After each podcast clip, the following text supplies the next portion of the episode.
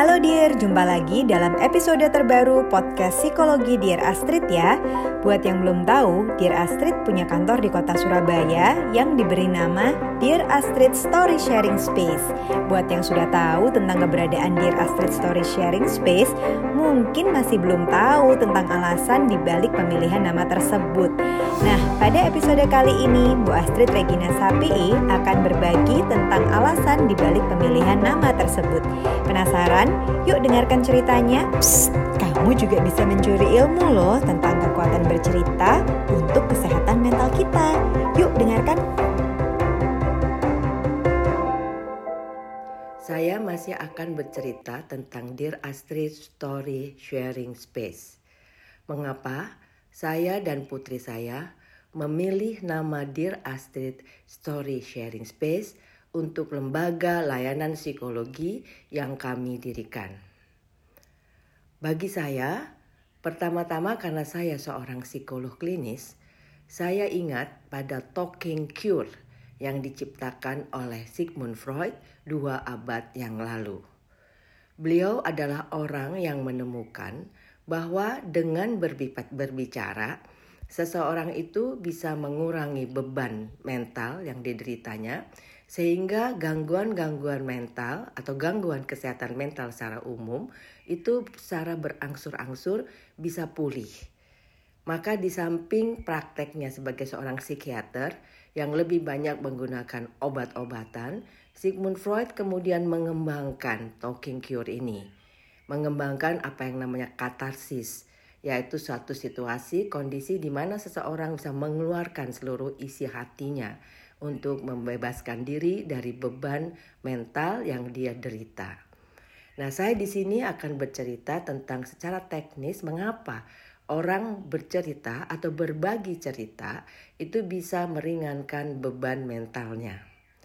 Nah, eh, teman-teman, Bapak, Ibu, adik kakak yang mendengarkan ini, kalau kita bercerita tanpa kita sadari, kita akan mengeluarkan semua pikiran dan perasaan kita untuk membuat cerita itu hidup, terutama apabila ada seseorang yang mendengarkan kita.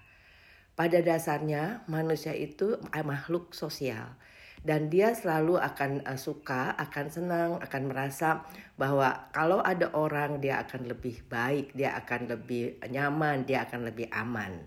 Nah, apalagi jika orang yang mendengarkannya adalah orang yang bisa menerima dan dia rasa sepakat dengan apa yang dia katakan. Atau dia rasa mendukungnya. Sehingga pada saat dia bercerita sambil dia bercerita mengamati orang yang mendengarkan dia merasa aman. Dia merasa nyaman. Dia merasa terdukung. Sehingga ceritanya yang awalnya mungkin hanya uh, pendek-pendek, tipis-tipis, ringan-ringan gitu ya. Itu bisa semakin lama semakin dalam menjelajah ke dalam jiwanya. Dan tanpa dia sadari kemudian mengeluarkan seluruh isi pikiran, mengeluarkan perasaannya. Jadi orang yang ada di depannya ini kalau ingin seseorang bercerita dan melepaskan beban itu adalah orang yang bisa menerima semua ceritanya. Tidak menunjukkan penilaian tidak menunjukkan sikap mengkritik, menunjukkan e, wajah yang bisa tidak setuju, atau kata-kata yang menyanggah, atau bahkan memperdebatkan, atau secara umum kelihatan tidak setuju. Apalagi kalau secara emosional terasa sebagai menghina, terasa sebagai uh, ingin menghindar, maka orang yang bercerita ini akan merasa tetap tidak mau bercerita akan cep berhenti tidak mau bercerita karena merasa apa yang diceritakan tidak didengarkan bahkan dianggap sepele atau dianggap tidak berguna atau bahkan dianggap mengganggu. Nah, dalam praktek hidup sehari-hari orang memilih kepada siapa dia bisa bercerita. Karena sejak dia kecil, dia mempelajari orang-orang yang ada di sekitarnya, orang-orang terdekat. Kalau dia merasa bahwa ibunya misalnya ada tipe orang yang selalu mengkritik atau mengatakan bahwa dia bodoh atau mengatakan bahwa ceritanya tidak berguna atau menunjukkan sikap tidak mau mendengarkan karena ibu masih sibuk, maka anak ini tidak akan bercerita kepada ibunya. Kalau misalnya ayahnya menunjukkan sikap uh, cerita kamu membosankan atau kamu sok tahu kamu masih kecil atau untuk apa sih bercerita? Saya masih sibuk banyak pekerjaan. Cerita sana sama teman yang lain. Apalagi kalau menghina mengatakan bahwa kamu anak masih kecil belum tahu apa-apa misalnya. Anak tidak akan memilih ayahnya. Maka ada kejadian-kejadian di mana seseorang itu akan menyimpan sendiri ceritanya.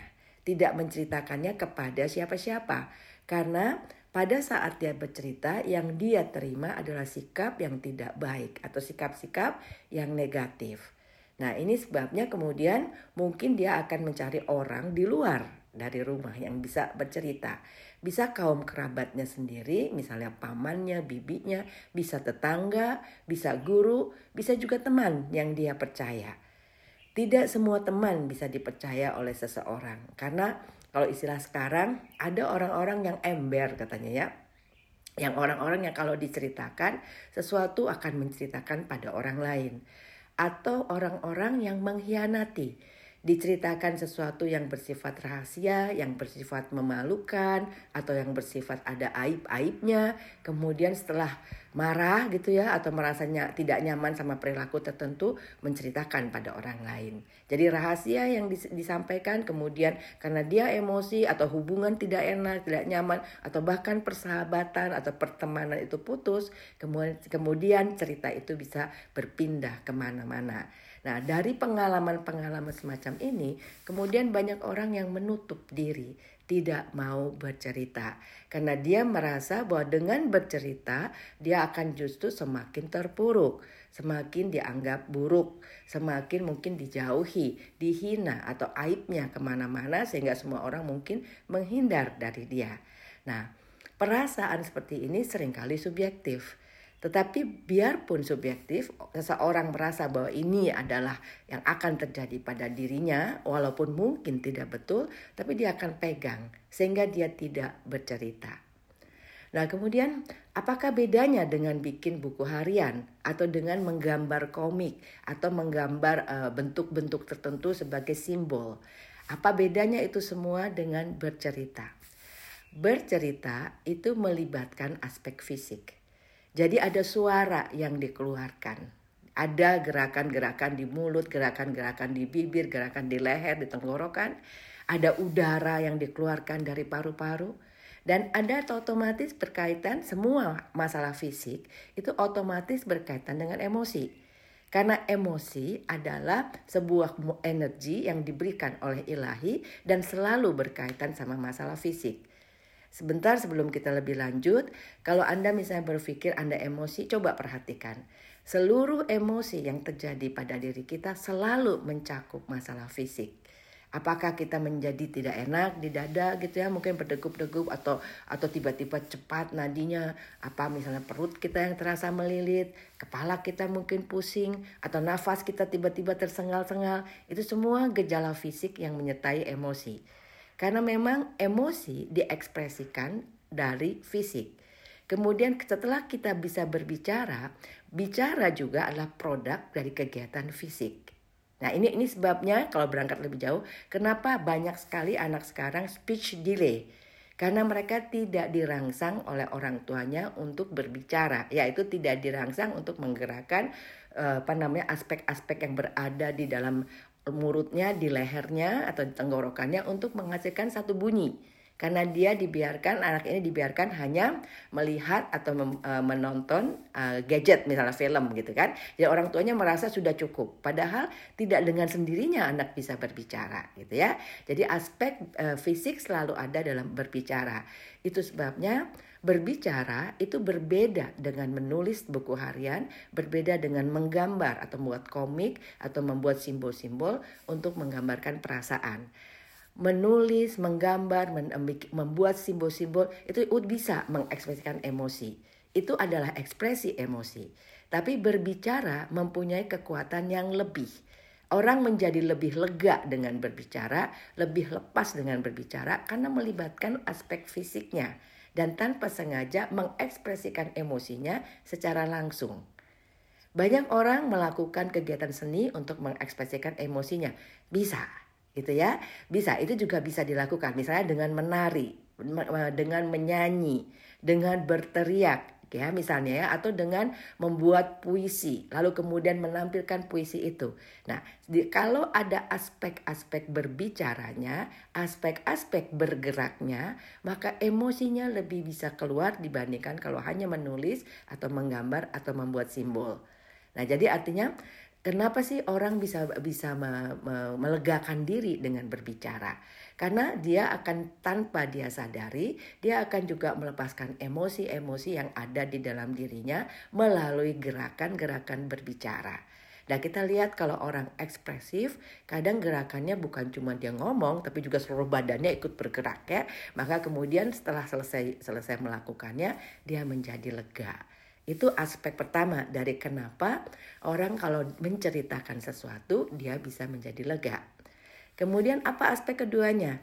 Aspek keduanya adalah pada saat seseorang itu bercerita, dia tanpa sadar juga akan menjadi pemirsa, akan menjadi orang yang mengamati, mendengarkan, mengevaluasi ceritanya. Ini sebabnya teman-teman, bapak-bapak, ibu-ibu, adik-adik, kakak sekalian, kalau kita mengajar misalnya atau kalau kita memberikan materi kepada orang, pada saat kita memberikan materi dengan sepenuh hati, mengeluarkan semua ilmu yang kita punya, kita bisa mengerti ilmu itu lebih baik. Karena setelah kita keluarkan, sambil kita keluarkan itu otak kita juga mendengarkan, mengevaluasi, jadi berputar gitu ya. Mendengarkan, mengevaluasinya lagi, maka kita justru semakin paham ya dari apa yang kita sampaikan tadi. Nah, begitu juga pada saat kita menceritakan sesuatu. Makin banyak yang kita ceritakan, makin dalam kita menceritakannya, makin paham kita akan apa yang terjadi pada diri kita. Orang datang ke psikolog biasanya orang yang merasa bermasalah. Dan tidak sedikit orang yang duduk depan saya dan mengatakan, "Ibu, saya merasa saya bermasalah, tapi saya tidak tahu masalah saya apa." Loh, Ya, kenapa kamu datang pada saya? Karena ibu psikolog. Barangkali ibu bisa bantu saya untuk mencari masalah saya apa. Apa yang kamu rasakan? Saya biasanya tanya. Saya merasa nggak nyaman, Bu. Saya ngerasa nggak nyaman, saya ngerasa pikiran saya penuh, tapi saya tidak tahu saya kenapa. Saya merasa bahwa semuanya nggak enak, semua jadi susah, saya nggak bisa konsentrasi, saya nggak bisa kerja, tapi nggak tahu kenapa. Nah, ada orang-orang yang datang pada saya dengan mengatakan itu. Nah kemudian biasanya saya akan memancingnya dengan menanyakan status dulu. Kamu statusnya apa gitu ya. Misalnya dia bilang saya mahasiswa. Nah kemudian kuliah kuliahnya di mana. Terus bicara tentang kampus pelan-pelan gitu ya misalnya. Nanti pelan-pelan akan keluar. Lalu misalnya kalau umurnya sudah uh, hampir apa hampir selesai misalnya sudah hampir uh, usia 25, 24 saya tanya sudah punya pasangan, apa ada rencana nikah. Jadi pelan-pelan semua data yang dia yang ada pada dia saya tanya pelan-pelan seperti menanyakan berita. Nah, pada satu titik dia akan kemudian menemukan sesuatu, dia bercerita dan bisa jadi dia menangis. Nah, kami para psikolog itu belajar yang namanya psikologi perkembangan. Di dalam psikologi perkembangan itu kami belajar pada usia-usia tertentu ada tugas-tugas perkembangan tertentu yang harus dipenuhi oleh seseorang. Dari dia mulai dilahirkan, masa dia bayi, masa infansi, masa dia anak-anak, kemudian masa dia puber, masa dia remaja, dewasa muda, ya, kemudian dia dewasa tengah, lalu kemudian usia setengah baya sampai lansia. Nah, di tiap tahap-tahap ini ada tugas perkembangan. Nah, pada saat seseorang itu tidak tahu masalahnya apa, saya bisa mengambil salah satu dari tugas perkembangan di usia itu. Ya, dan biasanya pasti ketemunya. Nah, tetapi sekali lagi orang ini harus mau bercerita. Nah, kenapa juga cerita kemudian bisa membantu dia untuk menjelaskan masalah yang terjadi pada dirinya? Orang-orang banyak yang dalam kehidupan sehari-hari itu seperti dituntut untuk menampilkan yang terbaik jadi dia menyembunyikan dirinya, menampilkan yang terbaik karena dia merasa masyarakat atau orang sekitarnya ingin dia berperilaku seperti itu.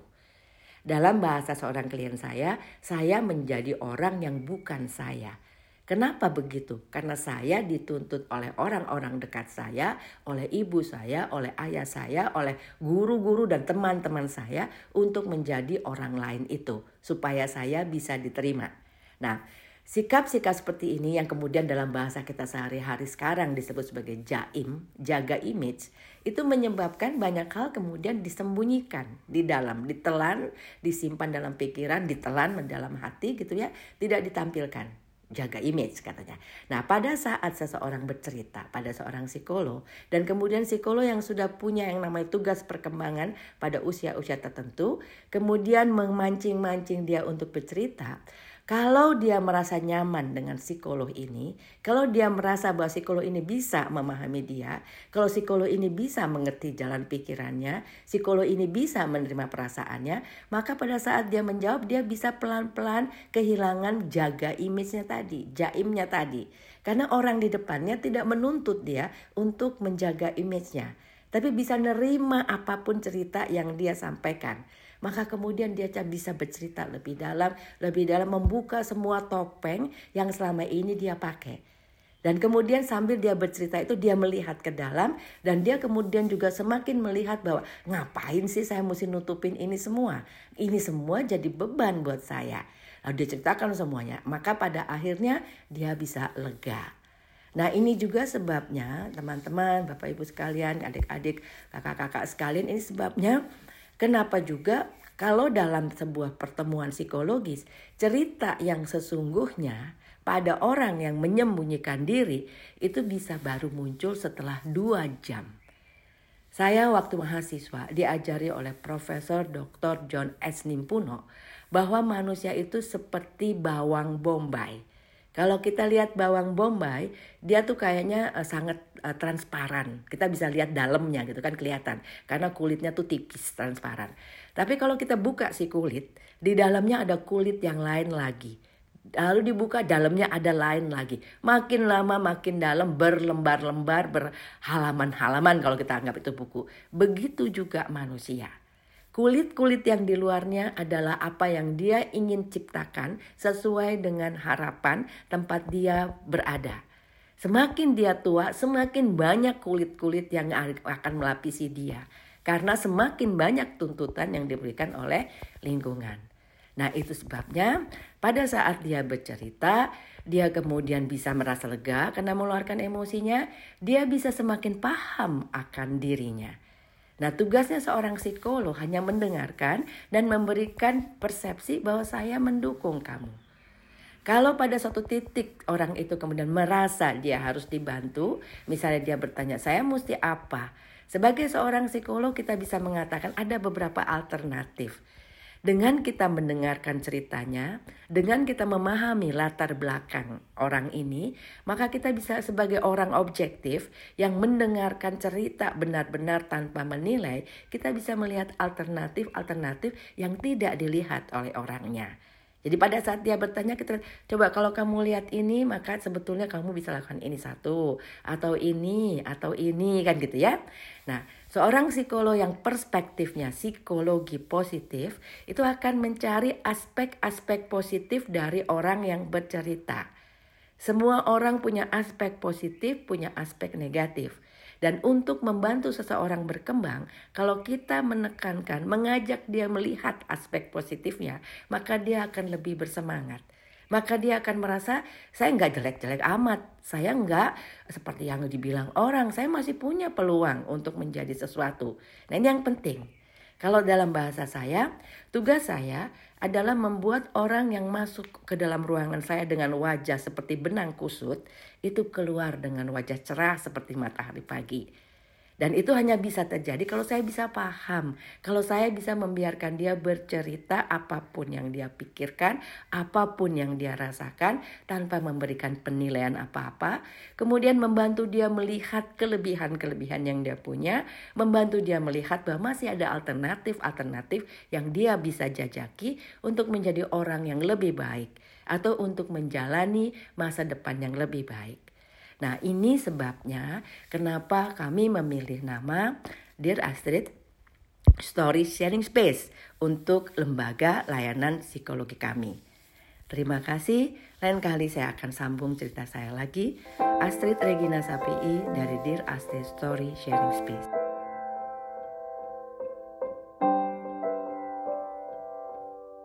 Begitulah Dear, cerita di balik pemilihan nama Dear Astrid Story Sharing Space. Semoga cita-cita kami menjadi tempat yang aman dan nyaman untuk mendengarkan berbagai cerita personalmu dapat bermanfaat bagi semua orang yang merasa butuh untuk didengarkan.